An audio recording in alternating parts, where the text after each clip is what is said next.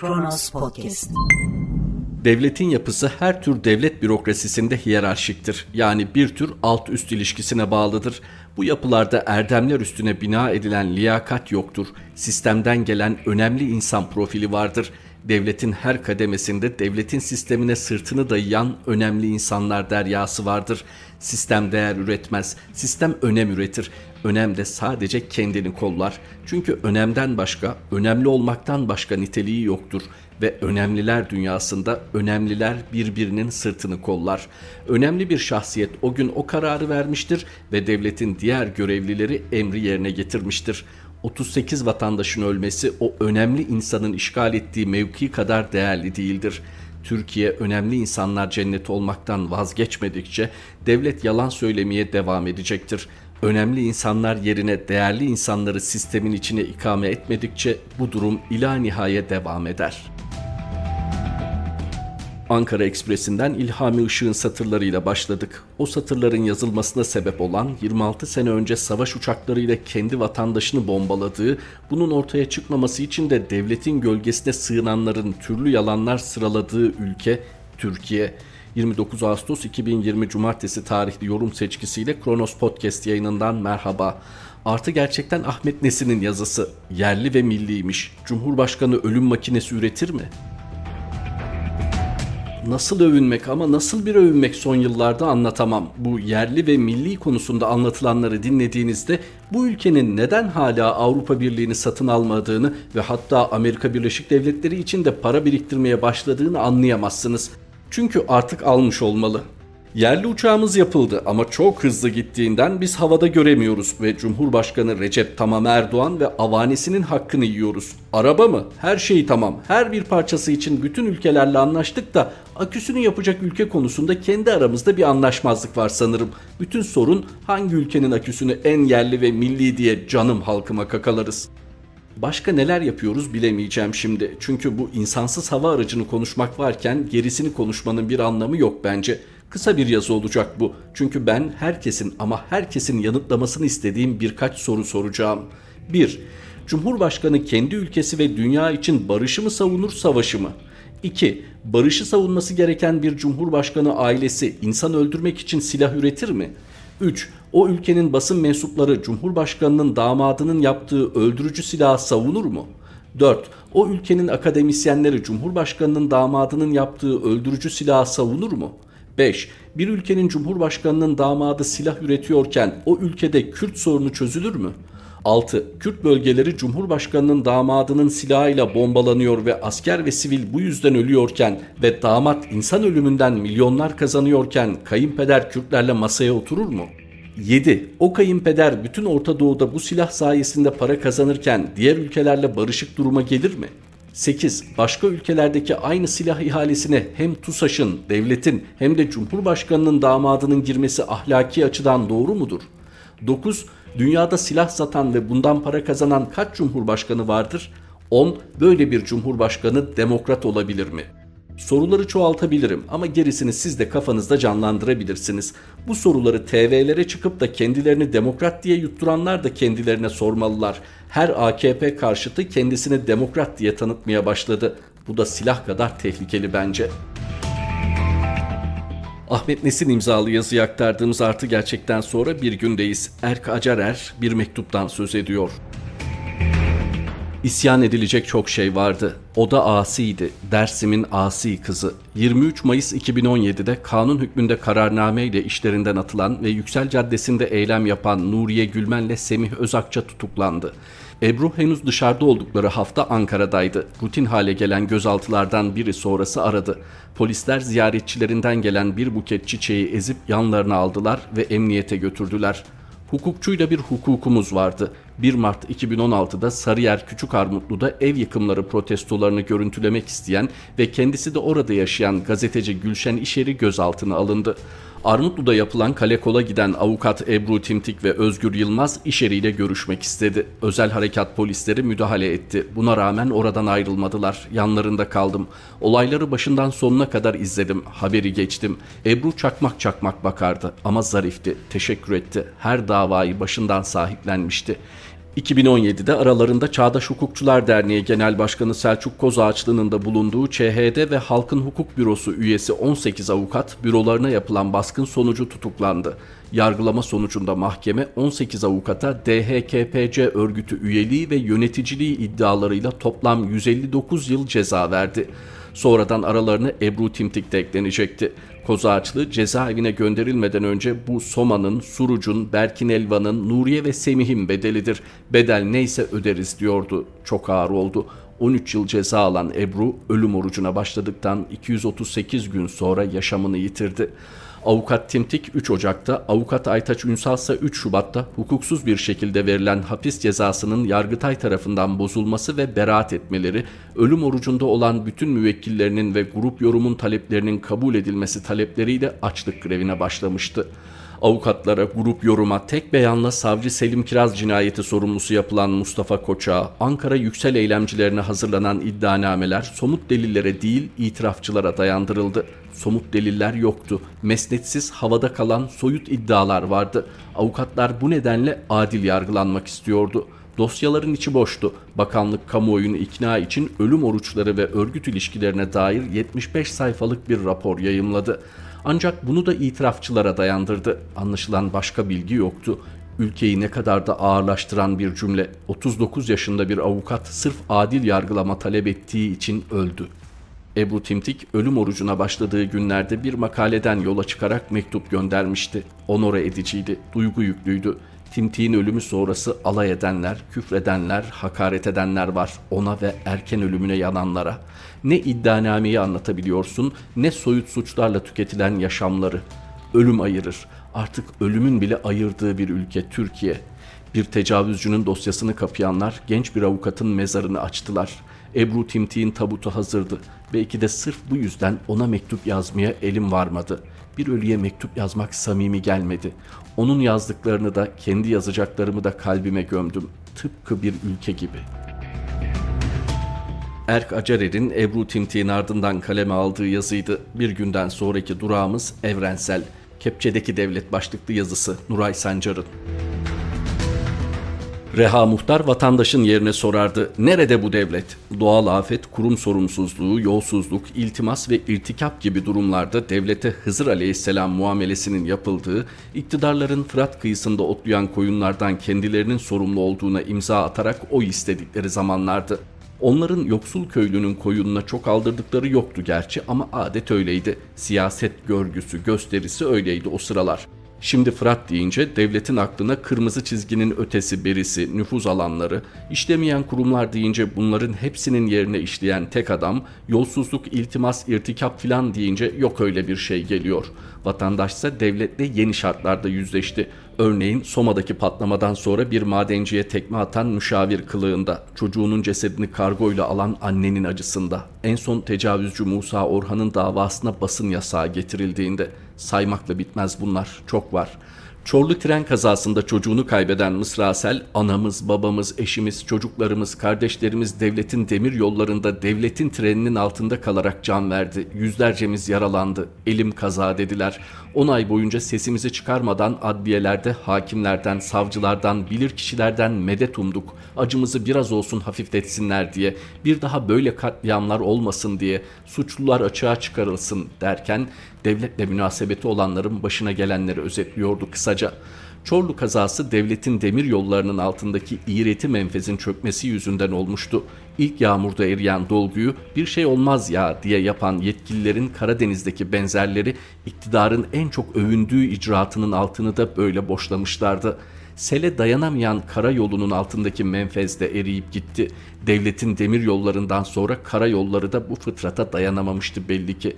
Fakat vatandaşa olup bitene dayanmasını söylemek için ayağının çizmesi başının sarığıyla Giresun'a giden Diyanet İşleri Başkanı halka dua, sabır, tahammül ve isyandan uzak durmasını tavsiye ederken yıkılanların yenisinin yapılacağını da ekledi ki afet ve felaket tarihimiz bu yeniden yapmaların halka maliyetiyle devlet ihalesine abone, yandaş şirketlerin karları arasında müthiş bir denklik olduğunu daima göstermiştir.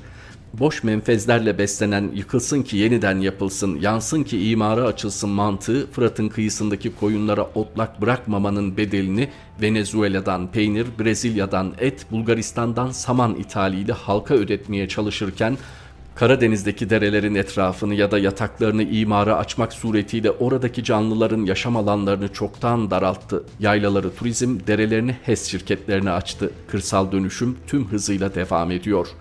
Bir devlet kurumu olduğu Cumhurbaşkanı tarafından tescil edilmiş olan Diyanet'in Başkanı Erbaş, yaya olarak incelemelerde bulunduğu Giresun'da vatandaşın yangınını söndürmeye çalışırken bir kepçenin içindeki 3 süvari Abdülkadir Selvi'nin içini eritmekteydi. Bravo 3 bakana bize bunu yaşattıkları için bana özlenen devlet nerede diye sorarlarsa Giresun Dereli'de o kepçenin içinde diyeceğim.'' Eski tüfek Selvi Fırat'ın kıyısından çoktan gittiği kesin de geri gelsin diye özlenen devleti Giresun'daki bir küçük derenin kenarında bulduğunu yazıyor. Fakat aman şecaat arz ederken CHP'ye çark eder insan bazen böyle. Bakan Haseki illa bir suçlu arayacaklarsa 2004-2009 arasında Dereli'yi yöneten CHP'yi suçlasınlar. Kendini hiçbir şeyden sorumlu hissetmeyen, halktan daima isteyen ama vermeye gelince vatandaşı anasıyla birlikte kovan bir devlet resmi varken bir kepçeye çıkarak PR yapmak tutmuyor. İlk yağmurda eriyip giden gösteriş yıkılan yolun altındaki menfezde de vardı zira. IMF'ye borç para vermekle övünürken pandemide halka IBAN göndermek, Karadeniz'de daha çıkarılmamış gazın hayalini satmak gibi açıkları vermeyen bir devlet olmak gerekir belki. Kepçedeki bakanların temize çekmeye çalıştığı devlet algısı tecavüze uğradıktan sonra kendini öldüren İpek'in annesinin beyanında da yankılandı. Acılı anneye tecavüzcü uzman çavuş Musa Orhan için belindeki silaha ve devlete güveniyor dedirten vasatın hazırlanmasında o kepçedekilerin vebali büyük çünkü. Özlenen devlet Türkiye'de hiç olmadı. O sadece özlendi. Nasıl bir şey olduğunu iki yıl önce Samistal yaylasındaki Yeşil Yol projesine karşı direnenlere müdahale eden jandarmaların karşısına çıkan Havva Ana kısaca özetlemişti. Devlet yok, halk var. Kimdir devlet? Devlet bizim sayemizde devlet.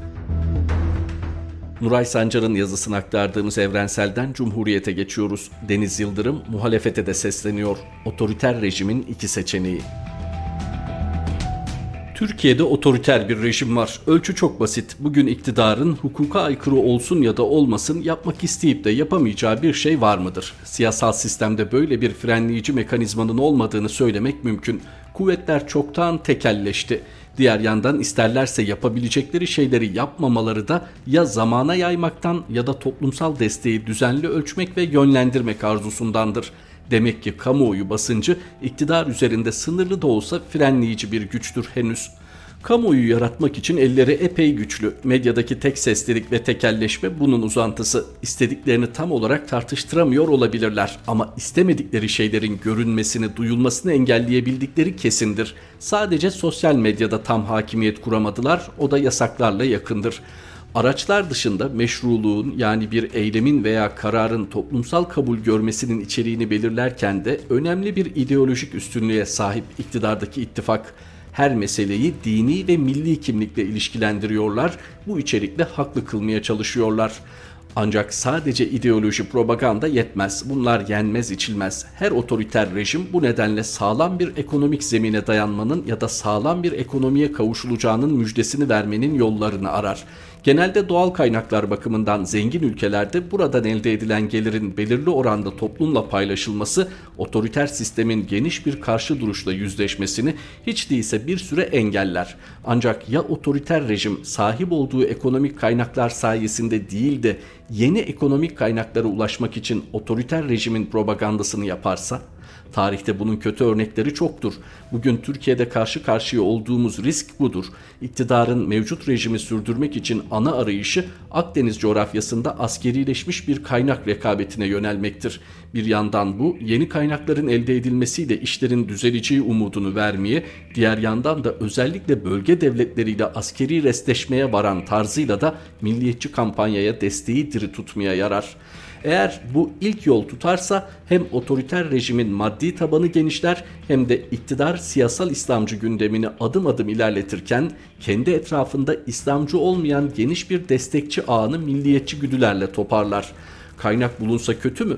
Hayır. Ancak otoriter rejimler bu kaynaklarla daha çok yolsuzluğa batar. İkincisi, askerileşmiş kaynak rekabeti için halkını cepheden cepheye sürer. Bu ihtimaller karşısında muhalefet partilerinin tutumu nedir? Bir yandan Türkiye'nin kaynaklarda bağımsızlığını, hakkını almasını savunurken diğer yandan bunun Akdeniz'de silahlanma yarışına dönüşmesine karşı tutum alınabilecek midir? Bir başka Akdeniz stratejisi, barışçıl dış politika hamlesi gündeme getirilecek midir? İktidarın Türkiye'yi Akdeniz'de yapayalnız bırakan dış politika yanlışları karşısında önce politika hamlesi yapılabilecek midir? Yoksa yine sessiz olalım, yıpranıyorlar zaten tutukluğu mu? Ya ikinci yol, gelelim iktidarın cebindeki ikinci seçeneğe. Diyelim ki kaynak elde edilemedi. Otoriter rejimin maddi temeli daha da sarsıldı. İktidar anketlere baktı. AKP ile MHP toplamı %40'larda. Erdoğan'ın Cumhurbaşkanlığı oyu da %45 civarında. Yani AKP hala birinci parti ve Erdoğan hala %45 desteğe sahip bir lider olarak yeni sisteme göre kaybetmeyi kabullenip iktidarı devredecek. Aklınız alıyor mu? Ne mi yaparlar? Anlatayım. Muhalefet partilerinin ısrarla ve neredeyse tek talebine bu sistemi değiştirin. Erdoğan anketleri görse bütün partilere sesleniyorum. Gelin Türkiye'yi 2023'te yeni sivil bir anayasaya kavuşturalım dese madem siz bu sistemi istemediniz parlamenter sisteme de dönüyoruz çağrısı yapıp destek istese muhalefet partilerinin elindeki bütün itiraz kozları boşa düşmüş olmayacak mı? Olacak. AKP birinci parti olarak yine hükümet kuracak. Erdoğan kısmi tavizlerle yönetmeyi sürdürecek. Büyük olasılıkla da AKP ile MHP açık koalisyona geçecek. Belki de ittifak genişleyecek. Muhalefet partilerinin başkanlık sistemi değişsin, biz bunda birleşiyoruz mantığıyla ittifakın çerçevesini sınırlamasının altını Erdoğan'ın tek bir hamleyle boşaltabilmesinin mümkün olduğunu biz görüyoruz da bunca parti, lider, kadro görmüyor mu? Sadece buna dayanarak siyaset yapılmaz. Biliyorum, konuşmayalım, gündem değişir. Cumhuriyet'ten Deniz Yıldırım'ın yazısıydı. Yeni çağdayız şimdi de Remzi Özdemir son zamanlarda çok şikayet olunan konulardan birini ele alıyor. Sonuçlarına dikkat çekerek liyakat ve öngörüsüzlük. Farkındaysanız liyakatsizlik sadece kamuda oluyor. Bunun da nedeni politikacıların kendine yakın kadroları ataması, siyasilerin kendine yakın kişileri kamu kurumlarına ataması her dönem olmuştur. Ama AKP dönemindeki gibi hiç olmadı. İstanbul'un bir ilçesindeki İmam Hatip Lisesi'nden mezun olan neredeyse tüm öğrenciler kamu kuruluşlarında yönetici oldu. Hiç kimse onların eğitimine ve mesleki başarısına bakmadı. Özel sektörde bugün öyle bir şey yok. Her şirketin insan kaynakları işe alacağı bir personel için öyle yüksek kriterler arıyorlar ki bunu neden yapıyorlar? Doğru insanı bulmak için, şirketin zarara uğramaması için kamuda bu yok. Nasıl olsa devlete ait. Zarar mı etti? Olsun, vatandaş vergi veriyor nasıl olsa. Liyakatsizliğin ve öngörüsüzlüğün en güzel örneğini iki hafta içinde göreceğiz. Hem de rakamlarla. Devletin kasasını emanet ettiğimiz kişiler yani hazinede görevli kişiler kaynak yaratmak için borçlanmaya gidiyor. 2 yıl önce hazine Türk lirasıyla değil de altınla borçlanıyor. 19 Eylül 2018'de 2 yıl vadeli borçlanmada o gün altının gramı 242 lirayken bugün 461 lira. Hazine 2 yılda %100'ün üzerinde maliyet ödemiş olacak. Hazinenin ilk ödemesi 16 Eylül'de gerçekleşecek. O gün hazineye altın karşılığı para satanlar faizin dışında %100'ün üzerinde para kazanmış oluyorlar. Hazinenin bu yılın sonuna kadar çok sayıda altına dayalı borçlanma geri ödemeleri bulunuyor. Şimdi soruyorum, sizin bir şirketiniz olsa ve yanlış kararla size 2 yılda %100 zarar ettiren çalışanınızı ne yaparsınız? Elbette kovarsınız. Hatta bu kadar büyük zarar ettirdiği için belki de dava bile açarsınız değil mi? Ama konu devlet olunca hiçbir şey olmuyor. Olmamasının nedeni ise biz vatandaşların vurdum duymazlığı. Hazine biz vatandaşların vergisiyle dönüyor. Seçimle gelen iktidar oraya para koymuyor. Seçilmişler bizim oraya koyduğumuz parayı yönetiyor. Son iki yıldır bütün analistler altın yükselecek derken bizim hazine yöneticileri altınla borçlanmaya gidiyor.'' Yazıktır, günahtır. Hazinenin bu borçlanmada zararı %100. Türk lirasıyla yapılsaydı en fazla ödenecek faiz %20-30 olacaktı toplamda. Bugün %100'lük bir maliyet artışı var. Tüm bunlar olurken biz doğal gaz rezervi bulduk diye seviniyoruz. Değil 300 milyar metreküplük doğal gaz Ankara'nın yüz ölçümü kadar bir altın rezervi bile bulsak bizim iki yakamız bir araya gelmez. Çünkü Türkiye'de işinin ehli insanlar değil politikacıların atadığı yandaşlar var. Dolayısıyla liyakatin bittiği yerde zarar da olur hasar da. Yeni Çağ'dan aktardığımız Remzi Özdemir imzalı satırlar bu birlikteliğimizdeki son paylaşımımızdı. Mehmet Şahin Yeni Yorum seçkimizde Kronos Podcast yayınında tekrar buluşmak üzere. Hoşçakalın. Kronos Podcast